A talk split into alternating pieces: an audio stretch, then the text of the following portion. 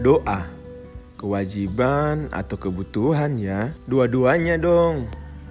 Kita butuh berdoa, kita juga wajib berdoa. Karena alasan pertama dan utama why we pray, karena kita butuh. Oke, kita cek lagi.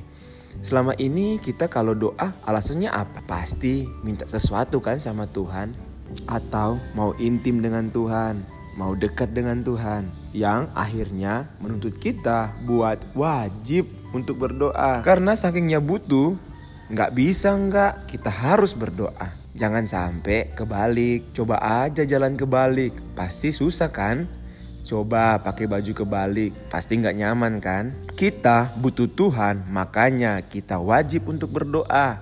Sama kayak kita butuh makan, makanya kita wajib untuk makan. Kita butuh nafas, makanya kita wajib untuk nafas. Beberapa hal yang ditulis di dalam Alkitab di mana Yesus berdoa karena butuh Bapaknya bukan karena wajib. Matius 14 ayat 23 Sesudah orang banyak pergi, Yesus berdoa sendirian sampai malam, masih berdoa.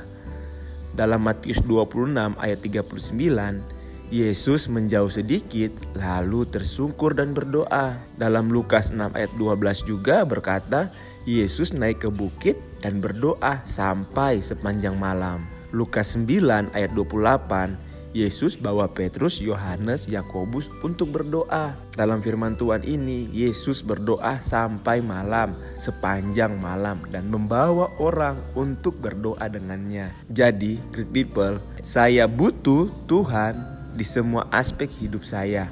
Makanya saya wajib berdoa.